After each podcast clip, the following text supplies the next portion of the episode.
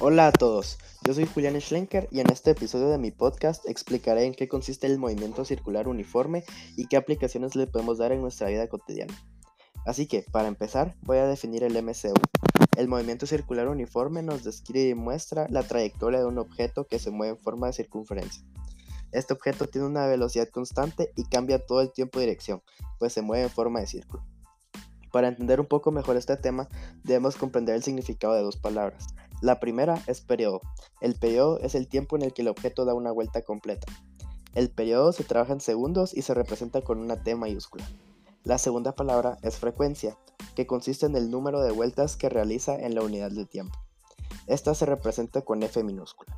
La unidad de frecuencia es vueltas entre segundos o también conocido como hertz. En el MCU para medir el espacio recorrido usamos el ángulo que recorre. La fórmula de la velocidad es dividir el cambio del ángulo entre el tiempo. Y la fórmula de la aceleración es la velocidad al cuadrado entre el radio de la circunferencia.